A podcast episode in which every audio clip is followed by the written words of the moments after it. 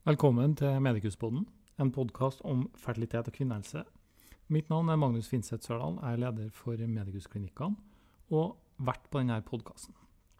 I dagens episode så er det vår fertilitetscoach Mari Fevåg Heger som er vert. Og hun har en samtale med eh, en av våre gynekologer og fertilitetsspesialister som heter Finn Tysland Johnsen, som jobber her i Trondheim. Han og Mari har en samtale om det her med medisiner i assistert befruktning. Hvilke medisiner er det man bruker, hvorfor bruker man dem, hva kan man forvente seg av eventuelle bivirkninger, er det farlig, eh, vil jeg få eh, masse plager? Så går gjennom de fleste preparatene som du i en prøverørsprosess vil komme i kontakt med. Og vi håper at dette er en episode som eh, gir dere som eh, nettopp er interessert og kanskje bekymra for, eh, for eh, denne type behandling og medisinene som er involvert i det, litt ro og bedre kunnskap om hva det faktisk innebærer. Så da er det bare å sette seg tilbake og nyte samtalen mellom Finn og Mari. Medikuspodden. Nå er du endelig Det gravid. varierer veldig på par til par. Takk for besøket. Velkommen til Medikuspodden. Velkommen til Medikuspodden, en podkast om kvinnehelse og assistert befruktning. Eh, og jeg er så heldig at jeg har med meg selveste doktor Finn Johnsen eh, på denne episoden her. Eh, og det er jeg veldig glad for, fordi du kan mye om assistert befruktning. Eh, og mange av de parene som jeg snakker med, og også sykepleierne våre snakker med, eh, spesielt de som er nye, og som skal i gang, eller vurdere å å på en måte ta kontakt for å få hjelp, eh, har jo mye spørsmål om det her med eh, medisiner. Eh, injeksjoner eh, og hormoner og bivirkninger på det, og om det er farlig. Hvordan påvirker det her meg? Eh, og derfor så syns jeg det er, vi kan, at, at det er viktig at vi prater litt om det. Sånn at vi, vi som jobber med det, på en måte kan eh, gi dem litt mer fakta og informasjon enn at de googler seg i hjel, rett og slett. Eh, så hvis Når man starter en prøverørsbehandling, da, så, så skal man starte, men så må man gå på noen hormoner. Og, Ja. og det er jo i utgangspunktet ikke noe annerledes enn det kroppen har fra før. Nei, Nei. det er riktig det. Det er jo sånn at eh, Målet med assistert befruktning er jo å stimulere opp eggstokkene til å produsere mange egg, mm. i motsetning til ett egg som er vanlig i en vanlig syklus. Mhm. Eh, og For å få til det, så må vi tilføre hormoner utenfra, såkalt follikkelstimulerende hormon. Mhm. Eh, de finnes i ulike varianter og former, mm. men det er jo stort sett injeksjoner det er snakk om. Mm. Men hvis man da får eh, sammenligne seg med andre, at noen har fått eh, Hvis vi nevner altså hvis man én type medisin, og så går den andre på en annen type medisin, er det stor forskjell på medisinene, eller er det på en måte Nei, I utgangspunktet så er de ganske like. Det er små variasjoner. mm. Eh, og det finnes nok enkelttilfeller hvor man kanskje skal velge i en variant versus andre. Men sånn generelt sett så skal man tenke seg at det som den enkelte behandler har bestemt, skal man være trygg på at fungerer godt. altså. Mm. Mm. Og da skal man, som jeg, som jeg forstår da, så skal det her da stimulere eggstokkene Mm. til å, at vi forhåpentligvis får flere follikler Ja. på én syklus. Ja. Og så er det mange da som spør meg, men hvis vi gjør det, går jeg tom for egg da, eller? Fortere? Nei, det skulle man jo kanskje tro, men Ja. det man gjør er at man bruker bare av de samme eggene som uansett hadde blitt rekruttert i den eh, ene menssyklusen. Ok. For det er sånn at i starten av en menstruasjonssyklus så er det flere av disse tidlige egg, eggforliklene som starter et løp på en måte for å bli det ene modne egget. Mm. Og underveis i en vanlig syklus så er det da et som blir dominant, som vi kaller det, og så dør de andre som startet på. Mm. Så man forbruker ingen flere enn de som allerede var påbegynt. Men i en behandling så ønsker vi at de heller skal stimuleres opp, sånn at vi får mange egg samtidig. Mm. Så man forbruker ingen flere. Nei. Og da er det ulike doser Ja. som man kan gi av disse medisinene her. Det er litt ulike doser, ja, og det styres ut fra eggreserveprøven bl.a. Mm. Det er kanskje den viktigste, og funn som vi gjør på ultralyd eh, før vi starter med behandlingen. Ja, og eggreserveprøven, den Det er en blodprøve som gir oss en indikasjon på hvor mange egg som er i eggstokken. mm. Mm. OK, så når, når da man har starta på hormonene her, da, så er jo min erfaring at mange syns jo det går greit å sette dem. Ja. Eh, At de er laga sånn at du skal kunne klare å sette dem sjøl. Mm.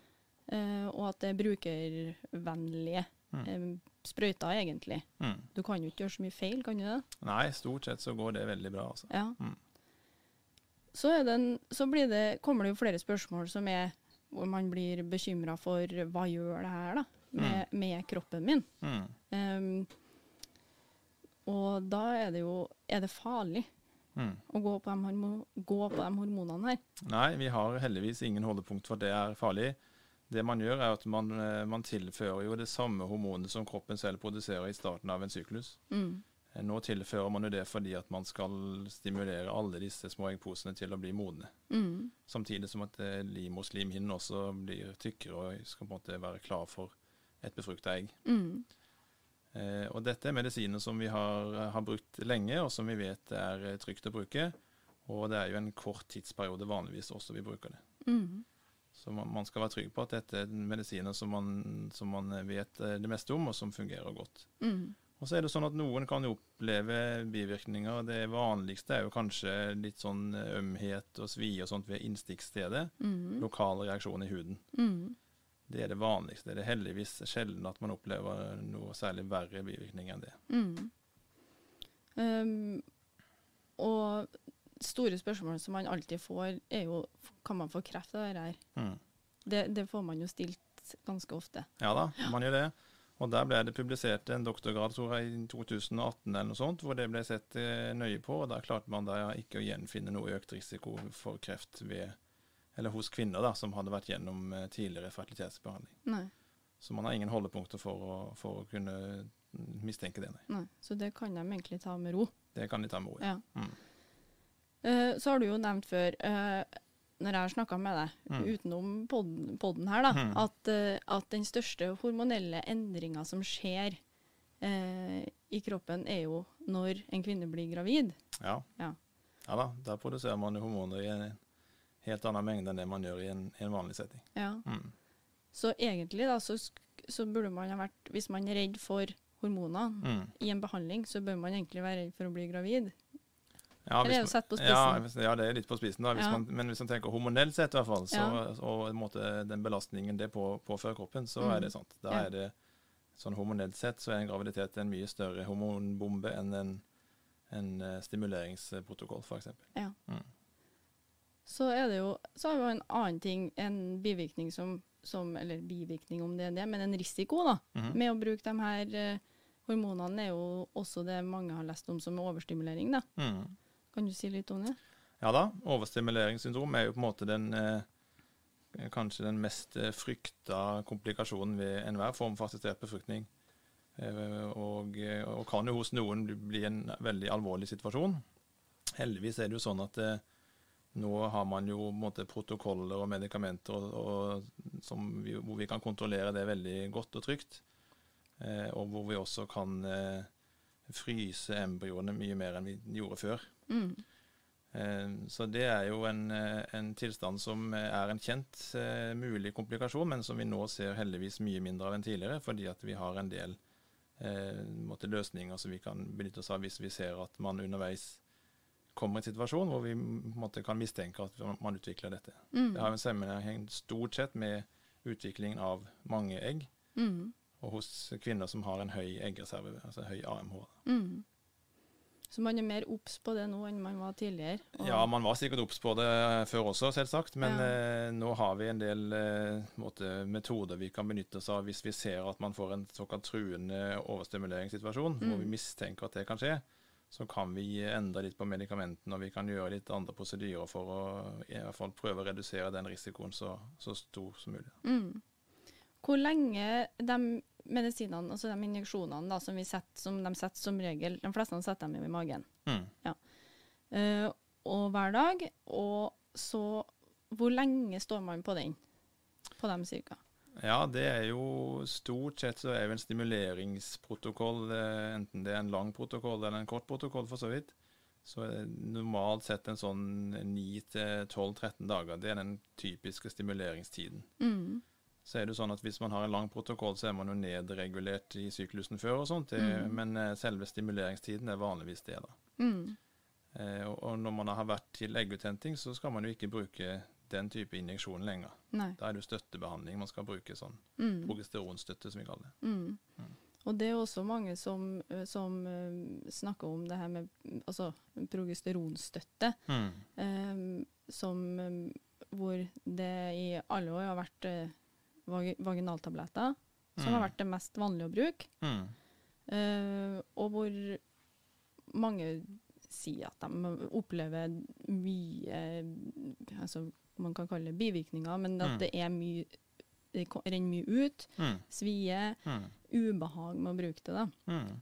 Og der har jo du vært på noe øh, Er det seminar du har vært på, eller er det noe Nei, det var vel en kongress for så vidt i ja. Tyskland i sin tid. Men øh, Ja. Du kan si når det gjelder sånn progesteronstøtte, så, Mhm. så finnes det jo flere måter å administrere det på. Mm, Det vanligste er jo en eller annen form for vaginal applikasjon. Mm Eh, en stikkpille, typisk. Eller en krem. mm, Eh, Det finnes også intramuskulære eller subkutane injeksjonsmetoder. Ikke så Mhm. veldig vanlig brukt i Norge, kanskje. Og så har det nå da kommet denne perorale eh, metoden, Dufaston, som vi kaller den. Som for så vidt er et kjent medikament, og som har vært brukt eh, innenfor gynekologien, i hvert fall i, i, i, eh, mange år. mm, Men som man nå også da har sett at det fungerer også veldig fint ved assistert befruktning, i hvert fall i såkalt ferskforsøk. da. mm, Eh, og det var bakgrunnen for at, at vi startet med det for eh, ja, nå er det to år snart. mm, Og opplever jo da absolutt like gode resultater som med vaginal eh, progesteron, og betydelig mer fornøyde kvinner, kanskje. Ja. mm. Så det er jo det er jo, har vært eh, en, en, eh, en fin ting å kunne tilby. Absolutt. Eh, hvorfor må man gå på progesteronstøtte når man er i, under et, altså i VEF-behandling? Det er fordi at man, man har jo sett det at når man, når man stimulerer eggstokkene og får veldig mange egg, Mm, så får man en litt sånn hyperfysiologisk tilstand, litt sånn unormal tilstand med limoslimhinne og eggstokker. Det, det er ikke helt lett å sammenligne versus en normal syklus. nei. ja, det fordi at det er mange follikler, Det, da? Ja, ja. Ja, sånn som man, eh, så måte hele det hormonelle bildet er litt annerledes enn det det ville vært i en normal syklus. Mm, Og Da har man jo sett det, at eh, det å tilføre progesteron øker sjansen for at man skal bli gravid. Det har man, sett i, det har man brukt i mange år. Før så brukte man jo ikke det, og da så man jo at resultatene eh, ikke var så gode heller. Også, Mm. Men det, det har vært brukt lenge nå, altså. Men, mm, eh, så det er noe man har erfart opp gjennom årene, at det er noe som er lurt å bruke. Mm. Det, og det har noe med hele fysiologien å gjøre i en, en sånn stimuleringssituasjon. mm. Mm. Må man stå på det lenge, da, hvis, eh, et, altså, hvis, man, blir, hvis man ikke blir gravid Mm. etter et forsøk, så stopper man jo Ja. selvfølgelig med det. Men hvis man blir gravid, hvor lenge Det er jo mange som opplever at det her, den progesteronen er en ekstrem trygghet. Mm. For, Mm. altså, også mentalt, nesten. Ja. Men hvor viktig er den etter at du har fått en positiv test?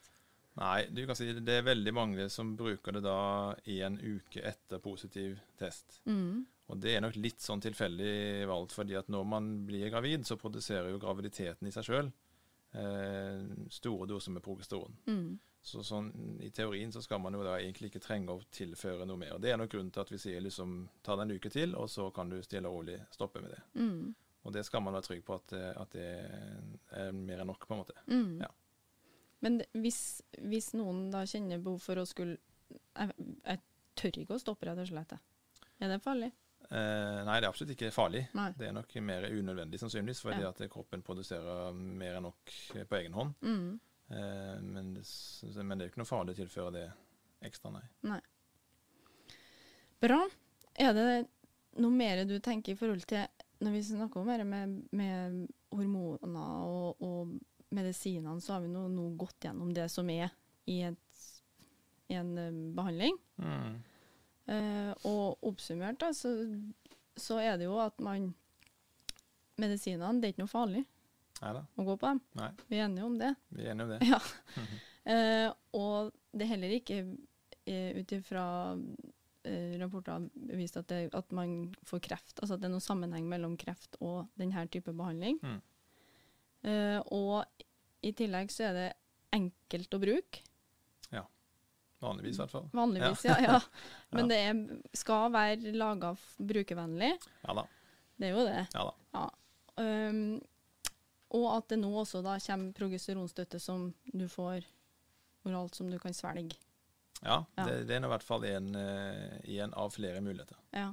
Mm. Det er fremdeles sånn at eh, når vi snakker om det, den er jo ikke på refusjonslisten. Altså man får jo ikke den dekket fra Helfo f.eks., som man gjør med disse medisinene i forhold til, Nei.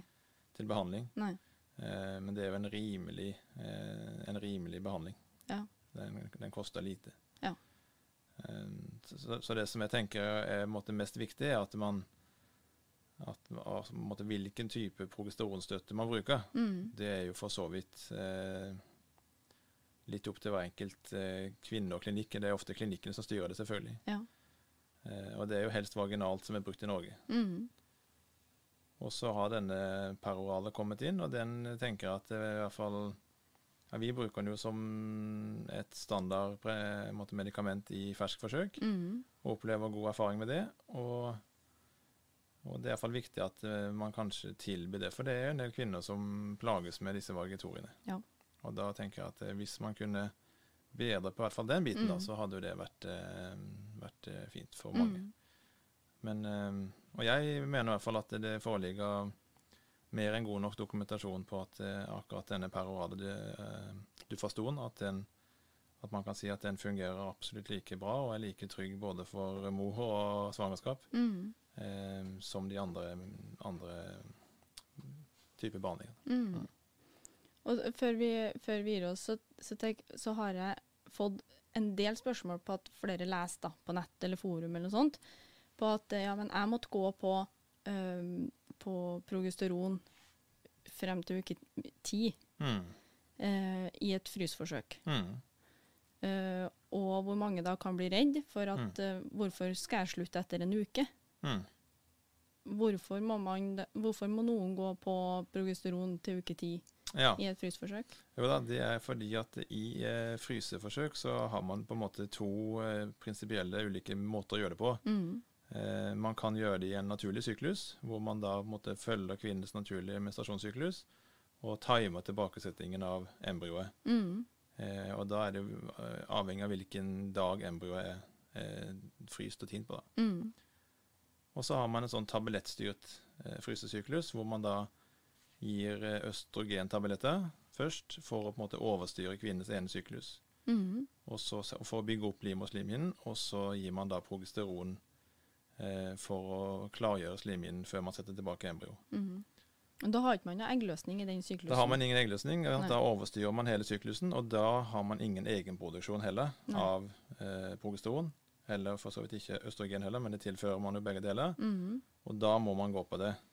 Eh, hvis man blir gravid, så må man bruke det lenge. Ja. Ti uker er jo veldig typisk eh, brukt. Mhm. Og det er fordi at eh, man må være sikker på at liksom morkakefunksjonen har tatt seg opp og produsert de hormonene det skal. og det skjer nok litt før uke ti, men vi, da, eh, vi måtte legge oss på uke ti for å være sikker på at alt er liksom er tilstrekkelig. Mm. Så det er grunnen. Så når du da har blitt stimulert som gjør at du kun bygger opp livmorslimhinna, og, ikke- og at eggstokkene er litt i dvale i en sånn syklus, da, Ja, sant? Mm. så, så er du avhengig av dem, østrogen og progesteron for å beholde graviditeten i en Mm. sånn type Fram til, Fryseforsøk. ja, fram til morkaken har uh, fått etablert seg og, og begynt sin produksjon med disse hormonene. Ja, Mens i et ferskforsøk eller naturlig syklus så har du eggløsning sjøl, som gjør at kroppen selv. produserer det. Ja, og Da trenger man jo egentlig strengt talt ikke noe støttebehandling i det hele tatt. Nei. Det blir jo som en helt vanlig syklus. Mm. Eh, Det er jo veldig mange som bruker det likevel, i hvert fall en kort periode. Mm. Eh, og det er for så vidt helt greit, det. Men Mm. men sånn rent fysiologisk så er det sannsynligvis ikke nødvendig med det da, i naturlig syklus. Så helt, helt til slutt så har vi noen sånne tilleggsmedisiner eh, som vi kan gi. Mm. Eh, det er flere som leser om eh, prednisolon, Mm. eh, og mange, forståelig nok, da, Mm. så er kvinner opptatt av hvorfor har du fått det, og hvorfor får ikke jeg hva, For å optimalisere sin egen Mm. behandling, da. Mm. Um, prednisolon, og så hva, hvem er det som typisk får det som tillegg? Ja, og der er det jo litt, nok litt sånn at eh, det er nok mange, mange ganger og mange steder at man bruker det på en tynn indikasjon. Dvs. Si at det, det, er vanskelig på en måte å kunne dokumentere sikker effekt i studier, som, som man selvfølgelig bør kunne gjøre. Mm. Eh, og, men predisinoen er jo et sånn immundempende medikament. Eh, så det er jo i hvert fall ganske ofte så er det jo brukt i forbindelse med kvinner som har endometriose. ikke sant? Det er en mm. tilstand hvor man har en, en, eh, en sånn kronisk betennelsestilstand i bekkenet vanligvis. Mm. Da er det mange som bruker det. Mm. Men om det er bevist i store studier, det er jeg nok mer usikker på. Ja.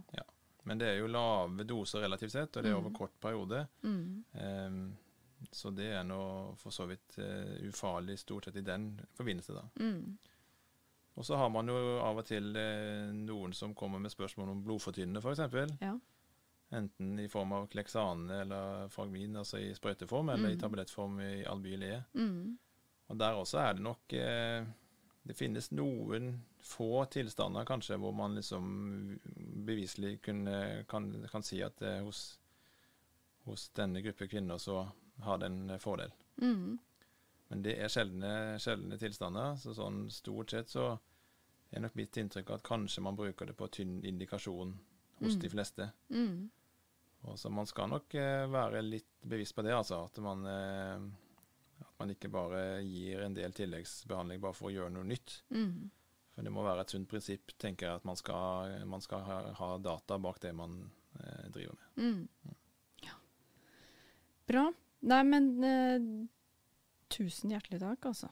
For at du Deilig. vil eh, svare på mange spørsmål som Eller svare på mange ting som veldig, veldig mange lurer på, Mm. og som kanskje forhåpentligvis også kan gjøre dem litt tryggere da, Mm. på å vite hva er det vi går inn i, Mm. og ikke minst at det er ikke farlig. Det tror jeg er en viktig bit for mange å, å oppleve at um, en eh, lege som der sier, da. Ja. Mm. Ja da, og så tenker jeg nok at de som, eh, de som går gjennom denne type behandling, eh, uansett hvor de skulle gjøre det, Mm. så tenker jeg at de skal være trygge på at det, den behandlingen de får, er, er veldokumentert og velgjennomtenkt Mm. i det enkelte tilfellet. Mm. Og eh, så tenker jeg at hvis det er noe de lurer på, så må de selvfølgelig spørre den behandleren de har. Ja. Og får de ikke svar, så spør de en gang til. Ja, Ja. det er veldig enig Det er godt, det er godt råd. Ja. Tusen hjertelig takk, Beilig. og på gjensyn. Nå er du endelig gravid. varierer veldig på par til par. Takk for du besøket. Velkommen til Medikuspodden.